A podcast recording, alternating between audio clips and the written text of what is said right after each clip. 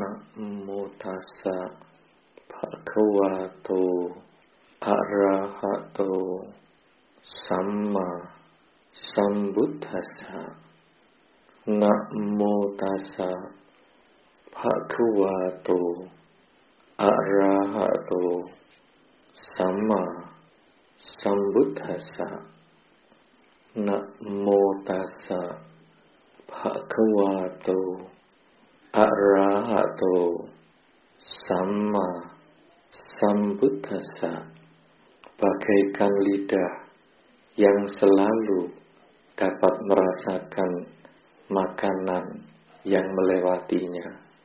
Demikian pula hendaknya orang bijaksana dapat merasakan manfaat dharma walaupun baru sejenak mengenal dharma. Saudara-saudara para umat Buddha yang berbahagia, kalau kita membaca surat kabar dalam dua hari ini atau tiga hari ini, mungkin Anda akan dikejutkan oleh satu peristiwa yang luar biasa. Sebetulnya surat kabar hari pertama sih tidak ada sesuatu yang luar biasa, karena hanya berita ada mayat hilang. Ya. Itu biasa.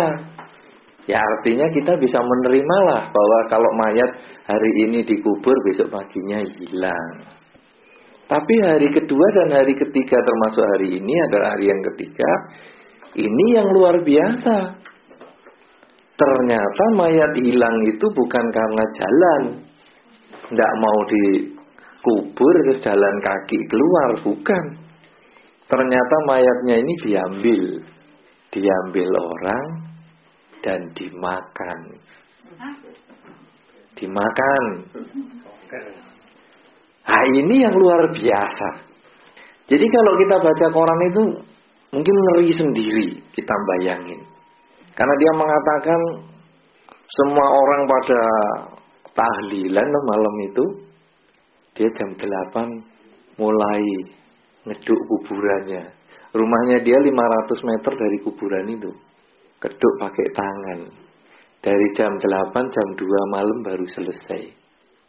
Mayatnya digotong, diteteli, diteteli.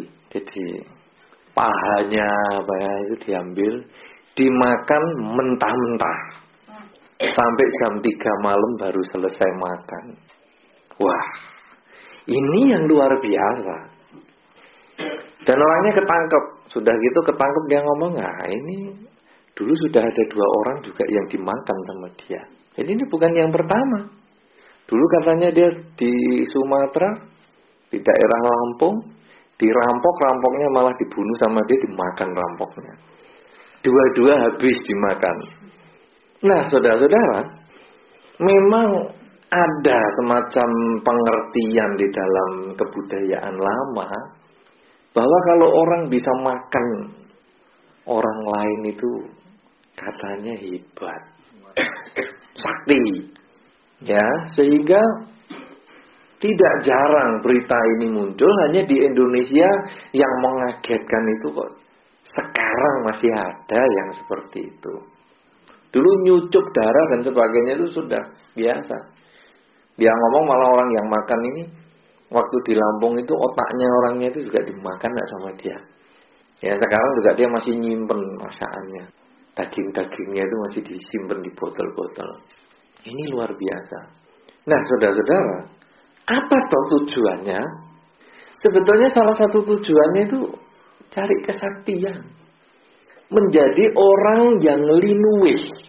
Menjadi orang yang mempunyai kelebihan dan orang untuk mencari kesaktian apa saja akan dikerjakan.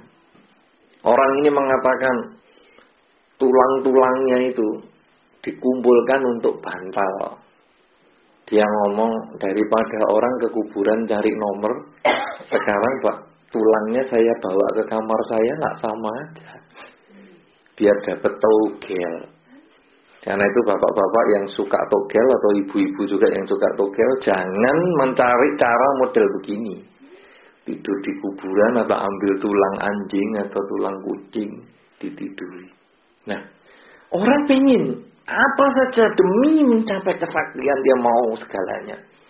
Tentu Anda semua sering mendengar orang ngelakoni mute ngebleng mute tujuh hari tujuh malam ngebleng sedino sewengi pati geni sedino sewengi.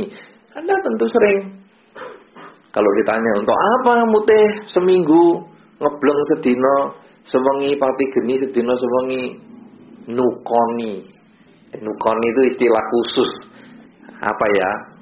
Mem, kalau dalam bahasa Indonesia sih nukoni kan membeli. Tapi kalau dalam ilmu Ilmu itu bukan membeli, tapi seperti kita kalau mau mendapatkan satu ilmu tertentu kita harus jalani seperti itu. Kan istilahnya nukoni gak di sini juga? Pitukoni. Ya, pitukoni aja pokoknya nukoni toh itu. Jadi membeli bayarnya pakai puasa ini, puasa itu. Untuk apa? Aji pengasihan. Nah, oh. Untuk apa pakai aji pengasihan? Biar kinasih, biar disayangi oleh orang banyak. Pengajian apa? Semar mesem. Wah. Kinjeng mas. Ada macam-macam. Demak sekipu. Macam-macam ajinya itu. Tapi yang jelas semua membutuhkan puasa untuk mendapatkan itu atau ngelakoni. Kadang-kadang ngintir. Pernah dengar ngintir? Ngintir. Ngeli. Ngikuti air sungai melayang begitu ya. Sambil tangannya dibuka kanan kiri. Nanti kalau apa saja yang tertangkap dijadikan jimat. Nangkep godong, dapat godong untuk jimat. Nangkep kayu, dapat kayu. Nah, nangkep pisang goreng manusia. Ya untuk jimat. Apa pisang goreng manusia? Tujuh hari tujuh malam Ya. Eh? Pisang goreng manusia. Pegang ya. Untuk jimat tidak apa-apa. Orang nggak berani ya. Iya karena baunya toh. Nah, tapi itu ada cara itu. Apakah itu untuk kawibawan, untuk apa wibawa. Lalu apalagi untuk supaya dukdeng itu, supaya apa namanya? kekebalan. Nah, macam-macam. Nah, saudara-saudara, ada orang ikut agama Buddha itu juga salah satunya pengen sakti loh. Sungguhan. Kenapa? Karena di dalam ajaran Sang Buddha ini memang ada cara untuk mendapatkan kesaktian. Bahkan di dalam Diga Nikaya ada disebutkan tingkat kesaktian yang pertama itu disebut idi. Idi pariharia. Jadi kemampuan batin yang luar biasa. Apakah yang disebut idi? Misalnya saja tembus tembok, ambles bumi. Jadi bukan hanya ontorjo yang bisa ambles bumi. Kalau Anda jalani sungguh-sungguh ambles bumi itu bisa. Tidak harus ngenteni mati baru ambles bumi juga tidak. Kalau ada yang ngomong, oh aku ya bisa Bante ambles bumi masuk ke dalam bumi gimana? Nanti kalau mati dikubur. Ya ambles bumi. Tidak. Terbang bisa. Kalau anda senang cerita sunggokong, satu jadi banyak. Ya toh? Kerasakti itu satu jadi banyak bisa. Banyak jadi satu lagi bisa. Ngilang bisa. Wah, kalau hilang ya bisa balik. Nanti dicari suaminya atau dicari istrinya. Tentu bisa balik. Lihat alam lain, itu yang paling sederhana itu lihat alam lain. Ya, jadi duduk di Sydney lalu bisa lihat oh di sana ada makhluk halus, ini sedang apa, sedang apa itu bisa. Mendengar alam lain. Bisa. Banyak kesaktian yang disebutkan di dalam Dharma itu bisa dicapai. Tapi bukan dengan makan mayat. Tidak harus bongkar kuburan. Tidak perlu mutih dan ngebleng. Bagaimana caranya supaya kita bisa mendapatkan kemampuan batin idi pariharia ini? Meditasi. Dengan kita sering latihan meditasi, pagi dan sore, konsentrasi dengan baik. Ketika pikiran menyimpang ditarik lagi menuju ke objek kita. Pikiran menyimpang tarik lagi dikembalikan ke objek kita. Terus demikian terus sampai manunggal. Pikiran hanya satu setiap saat. Maka pada saat itu kemampuan batin bisa dilatih. Bahkan ilmunya angling darmo juga bisa mendengar bahasa binatang. Bisa. Ada nggak ilmu yang lingkar mau bahasa binatang? Ada loh. Sudah diceritakan belum di TV? Sudah ya? Ya. Tuh kalau dulu saya baca bukunya kan dapat ilmu dari Nogo siapa itu? Nogo Protolo ya. Wah, bukan ini ngikuti. Kalau saya dulu waktu kecil baca bukunya. Nah, Nogo Pratolol. Sebetulnya binatang juga bisa ngomong. Hari ini sebetulnya di koran sudah ada orang jual jegokan anjing itu artinya apa sudah ada. Ya, di Jepang itu sudah mulai dijual. Jadi anjing jegok dikasih itu, oh ini artinya apa? Oh artinya minta dilus-lus. Jegok lagi, oh ini minta diajak jalan-jalan. Sudah bisa. Hari ini sudah bisa ada angling dharma modern dari Jepang. Tetapi secara tradisional, kalau dengan kekuatan meditasi kita juga bisa. Nah, saudara-saudara, kalau Anda nanti banyak membaca buku Dharma, itu akan diterangkan bagaimana cara melatihnya. Jalan di atas air, Mambles bumi tadi, kemudian nembus gunung, mindah gunung. Kalau Anda pernah mendengar cerita Sumantri, Sumantri ngenger, itu kan ada adiknya atau Sukrosono ya, itu kan bisa mindah taman, mindah gunung itu. Ya, di pewayangan kan ada itu. Nah, itu sebetulnya kemampuan itu bisa dicapai. Kalau dalam bahasa sehari-hari kita itu namanya sabdo dumadi. Jadi apa saja yang kita maui, apa saja yang kita katakan akan menjadi kenyataan. Ini semua dilatih dengan konsentrasi pikiran. Nah, Idi Pariharia ini, ini hanya level pertama. Belum level yang hebat menurut Dharma. Level yang lebih tinggi menurut Dharma adalah Adesana Pariharia. Apakah itu Adesana Pariharia? Kemampuan batin membaca pikiran makhluk lain. Ini dianggap lebih hebat. Kalau cuma bisa terbang, naik pesawat terbang bisa. Ambles bumi ngenteni mati ya nyampe. Tetapi membaca pikiran orang, ini dianggap level yang lebih tinggi. Dan sebetulnya kita semua ini sebetulnya punya kemampuan membaca pikiran orang. Cuman nggak jelas. Pasangan hidup Anda mulai tidak wajar perilakunya, Anda sudah mulai bisa ngerti kok. Wah ini ngamuk kayak Loh, Anda sudah tahu, ini ngamuk ini. Hati-hati ya. Gejala-gejala ini sudah. Hati-hati, kita jangan macam-macam daripada ketiban banget. Itu kan kita sudah mulai bisa membaca pikiran orang. Kalau Anda yang pedagang, itu lebih jelas lagi. Begitu orang mau masuk, ini harap tuku. Ah, ini cuma mau tanya saja. Itu bisa tahu kok. Sebetulnya bagian membaca pikiran ini bayi paling pintar. Kalau mau ada pencuri, bayi rewel loh. Ya kan?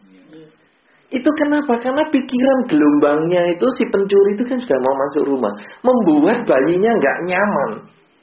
Nah, nangis semalam suntuk. Itu sebetulnya semua manusia punya kemampuan membaca pikiran orang, cuman tidak terlatih. Anda sering sekali Anda akan tahu. Pokoknya kalau Anda sudah dekat sama orang itu, terutama Anda bisa kok baca pikirannya. Ah, kamu mesti mau gini. Ah, kamu mesti mau gitu. Kamu mau ngomong hari ini mesti ngomong ini. Anda bisa rasakan itu. Cuma tidak jelas. Kalau Anda tidak kenal, sebetulnya kadang juga Anda bisa tahu.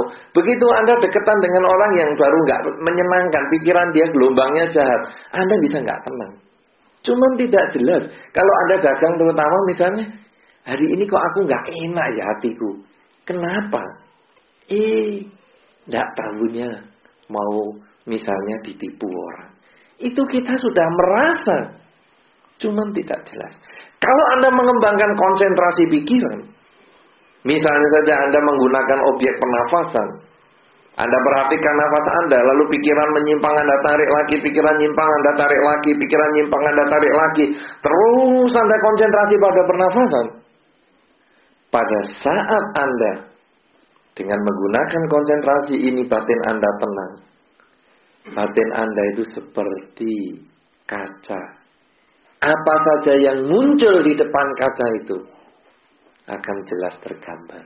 Apa saja pikiran yang muncul di depan Anda, Anda bisa baca dengan jelas.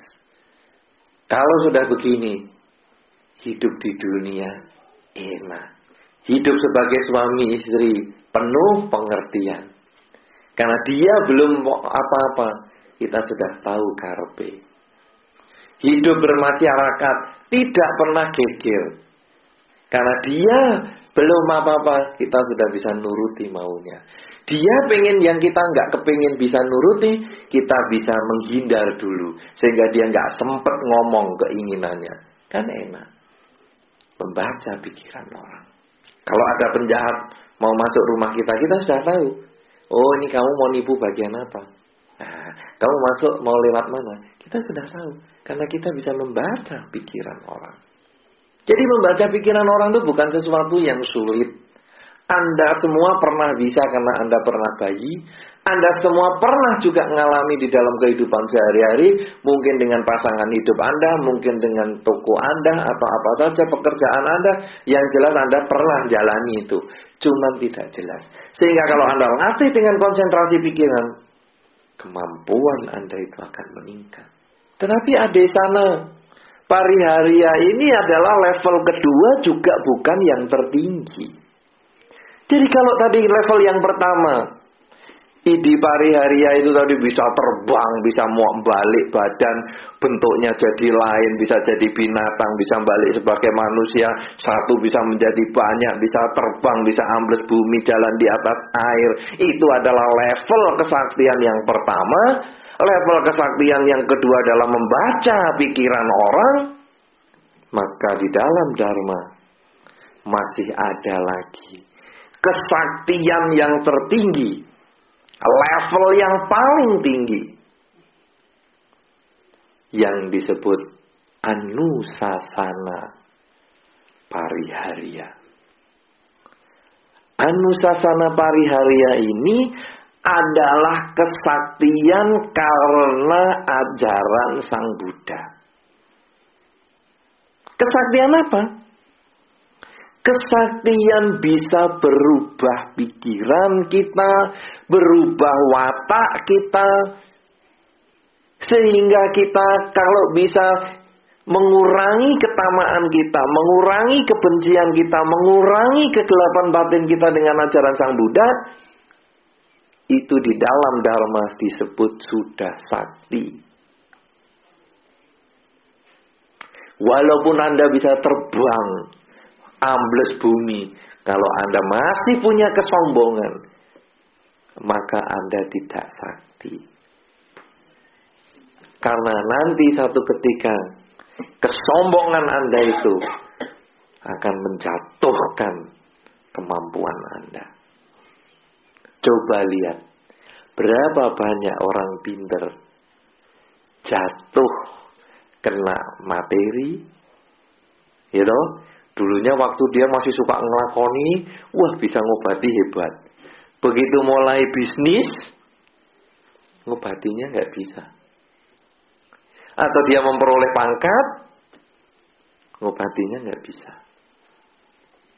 Berapa banyak yang kita sudah lihat? Kenapa?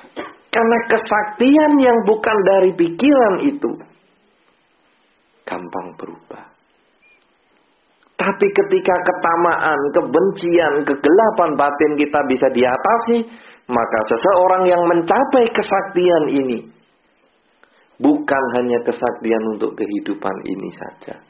Di masa-masa yang akan datang pun kemampuan mengendalikan pikiran kita dari ketamaan, kebencian dan kegelapan batin ini akan terus bisa dipertahankan.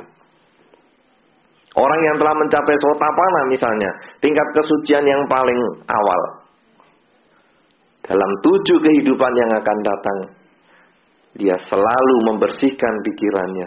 Sehingga kalau satu ketika dia selalu bisa mampu membersihkan pikirannya, mungkin hanya tiga kali lahir saja sudah bisa mencapai kesucian. Tetapi kalau orang yang sakti bisa membaca pikiran orang, bisa terbang, bisa ambles bumi dan sebagainya, lahir lagi. Belum tentu dia punya kemampuan itu. Orang-orang tertentu yang mengembangkan kemampuan itu, kadang ingatnya baru setelah meditasi. Jadi meditasi yang pernah saya ceritakan mungkin satu ketika pada Anda, dulu ada orang belajar meditasi setengah jam, eh tahu-tahu bisa melihat rumahnya yang di Jakarta. Itu kemampuan melihat alam lain. Alam lain itu bisa di kota lain, alam lain bisa di negara lain, alam lain bisa di benua yang lain, alam lain pun bisa sungguh-sungguh di surga, di neraka, di alam yang lain. Itu hanya bisa dicapai ketika orang meditasi. Tapi kalau sendiri lahir ceprot begitu, belum tentu kemampuannya bisa. Tetapi kalau orang yang sudah bisa mengendalikan pikirannya dari ketamaan, kebencian, dan kegelapan batin, maka lahir pun dia sudah menjadi orang yang baik. Berapa banyak coba Anda bisa temukan seorang bayi yang dari kecil wis nuwei. Ya toh? Ada toh bayi yang dari kecil dikasih makanan dia bisa bagikan kepada yang lain. Kepada binatang dia tidak kepingin membunuh. Sejak kecil iri hatinya sedikit. Sejak kecil dia sudah sabar. Anusasana pariharia ini terbawa di dalam kehidupan-kehidupan yang akan datang. Karena itu ini dikatakan di dalam Tiga Nikaya bahwa kesaktian seperti ini adalah kesaktian yang tertinggi. Apalagi kalau seseorang bisa mencapai kesucian, membersihkan dengan total pikiran dari ketamaan, kebencian, dan kegelapan batin, maka kesaktian ini membuat seseorang tidak terlahir di alam mana pun juga. Orang boleh mampu membaca pikiran orang. Orang boleh mampu terbang maupun menjadi banyak. Tetapi dia tetap lahir kembali, lahir kembali, lahir kembali. Tapi kalau orang bisa mengendalikan pikiran dari ketamaan, kebencian, kegelapan batin, maka kelahiran ini menjadi kelahiran yang terakhir. Inilah kesaktian yang luar biasa. Nah sekarang bagaimana supaya kita bisa mengatasi ketamaan kita, mengatasi kebencian kita, mengatasi kegelapan batin kita. Jalannya sama. Seperti kalau tadi mengembangkan mengembangkan kesaktian itu, mengembangkan konsentrasi. Ketika kita sedang duduk, sadarlah kita sedang duduk. Ketika kita sedang berjalan, sadarlah sedang berjalan. Ketika kita sedang berbicara, sadarlah sedang berbicara. Setiap saat kita melakukan sesuatu, sadar. Di dalam bahasa sehari-hari disebut iling lan waspodo. Anda sudah berkali-kali mendengar kata-kata iling lan waspodo. Ingat dan selalu waspada. Selalu sadar. Tapi berapa kali dalam sehari Anda iling lan waspada. Berapa kali dalam sehari ketika Anda berjalan Anda sadar sedang berjalan. Ketika Anda sedang duduk Anda sadar sedang duduk. Ketika Anda nonton televisi Anda sadar sedang nonton televisi. Berapa kali? Karena itu saudara-saudara, kalau Anda ingin mencapai kesaktian yang ketiga, anusasana pariharya, mulailah sekarang sering mengucapkan di dalam hati, saat ini saya sedang apa? Oh, saat ini saya sedang duduk. Saat ini saya sedang apa? Saat ini saya sedang nonton TV. Saat ini saya sedang apa? Saat ini saya sedang makan. Saat ini saya sedang apa? Saat ini saya sedang baca koran. Saat ini saya sedang apa? Saat ini saya akan sedang mau tidur. Sering ucapkan di dalam hati kata-kata itu. Saat ini saya sedang apa? Maka dalam beberapa bulan ke depan, kesaktian Anusasana Pariharia ini Anda akan bisa rasakan. Karena setiap kali Anda menyadari saat ini sedang apa, hilang ketamaan Anda, hilang kebencian Anda, hilang kegelapan batin Anda. Makin berkurang, makin berkurang. Ketika Anda jengkel dengan musuh Anda, lalu Anda merenung, saat ini saya sedang apa? Saat ini saya sedang duduk. Kenapa saya jengkel dengan musuh saya? Padahal musuh saya itu kan sudah bertahun-tahun yang lalu memaki saya. Sudah sekian hari yang lalu dia ngomelin saya. Kenapa sekarang saat ini saya harus memikirkan hal seperti itu? Kan saat ini saya sedang duduk. Saat inilah kesempatan saya mengembangkan kasih sayang. Karena di dalam Dharma kebencian tidak akan berakhir dengan kebencian. Tapi kebencian akan berakhir dengan cinta kasih. Saya harus pancarkan kasih sayang saya. Kalau saya mengucap semoga dia bahagia. Semoga semua makhluk bahagia. Dengan pola pikir seperti ini saudara-saudara. Maka sesungguhnya kita mendapatkan hikmah kesaktian di dalam Dharma Anusasana Pariharia.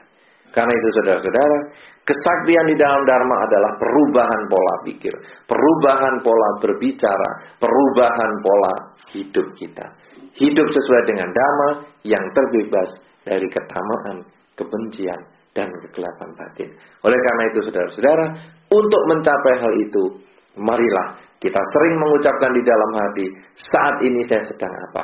Sedang duduk, berdiri, berjalan, berbaring, selalu menyadari, maka kebahagiaan akan menjadi milik kita. Dan inilah di dalam Dharma dikatakan, ibarat lidah kita ini, yang selalu bisa merasakan sayur yang masuk ke dalam mulut. Demikian pula di dalam kehidupan kita. Kalau kita selalu menyadari yang demikian, maka hidup kita ini seperti lidah. Bisa merasakan indahnya Dharma. Rasa nikmatnya Dharma. Yang mengubah hidup kita. Dari gelisah menjadi tenang. Dari pendendam menjadi pemaaf. Sehingga hidup selalu bahagia. Inilah sesungguhnya saudara-saudara, kesaktian yang bisa didapat oleh Anda semua tanpa bongkar kuburan, tanpa makan mayat yang tidak nyaman. Lebih enak ayam goreng daripada makan mayat mentah-mentah. Daripada mau terbang dan lain sebagainya itu kita bisa beli tiket pesawat terbang Daripada membaca pikiran nanti juga kita bisa beli alatnya itu anjing sudah bisa dibaca pikirannya. Sekarang marilah kita mengendalikan pikiran kita masing-masing. Sehingga akhirnya Dharma sungguh-sungguh bermanfaat. Menimbulkan ketenangan, menimbulkan kebahagiaan, menimbulkan kebahagiaan dari terbebas ketamaan, kebencian dan kegelapan batin dan inilah anusasana pariharia. Kesaktian karena ajaran Sang Buddha.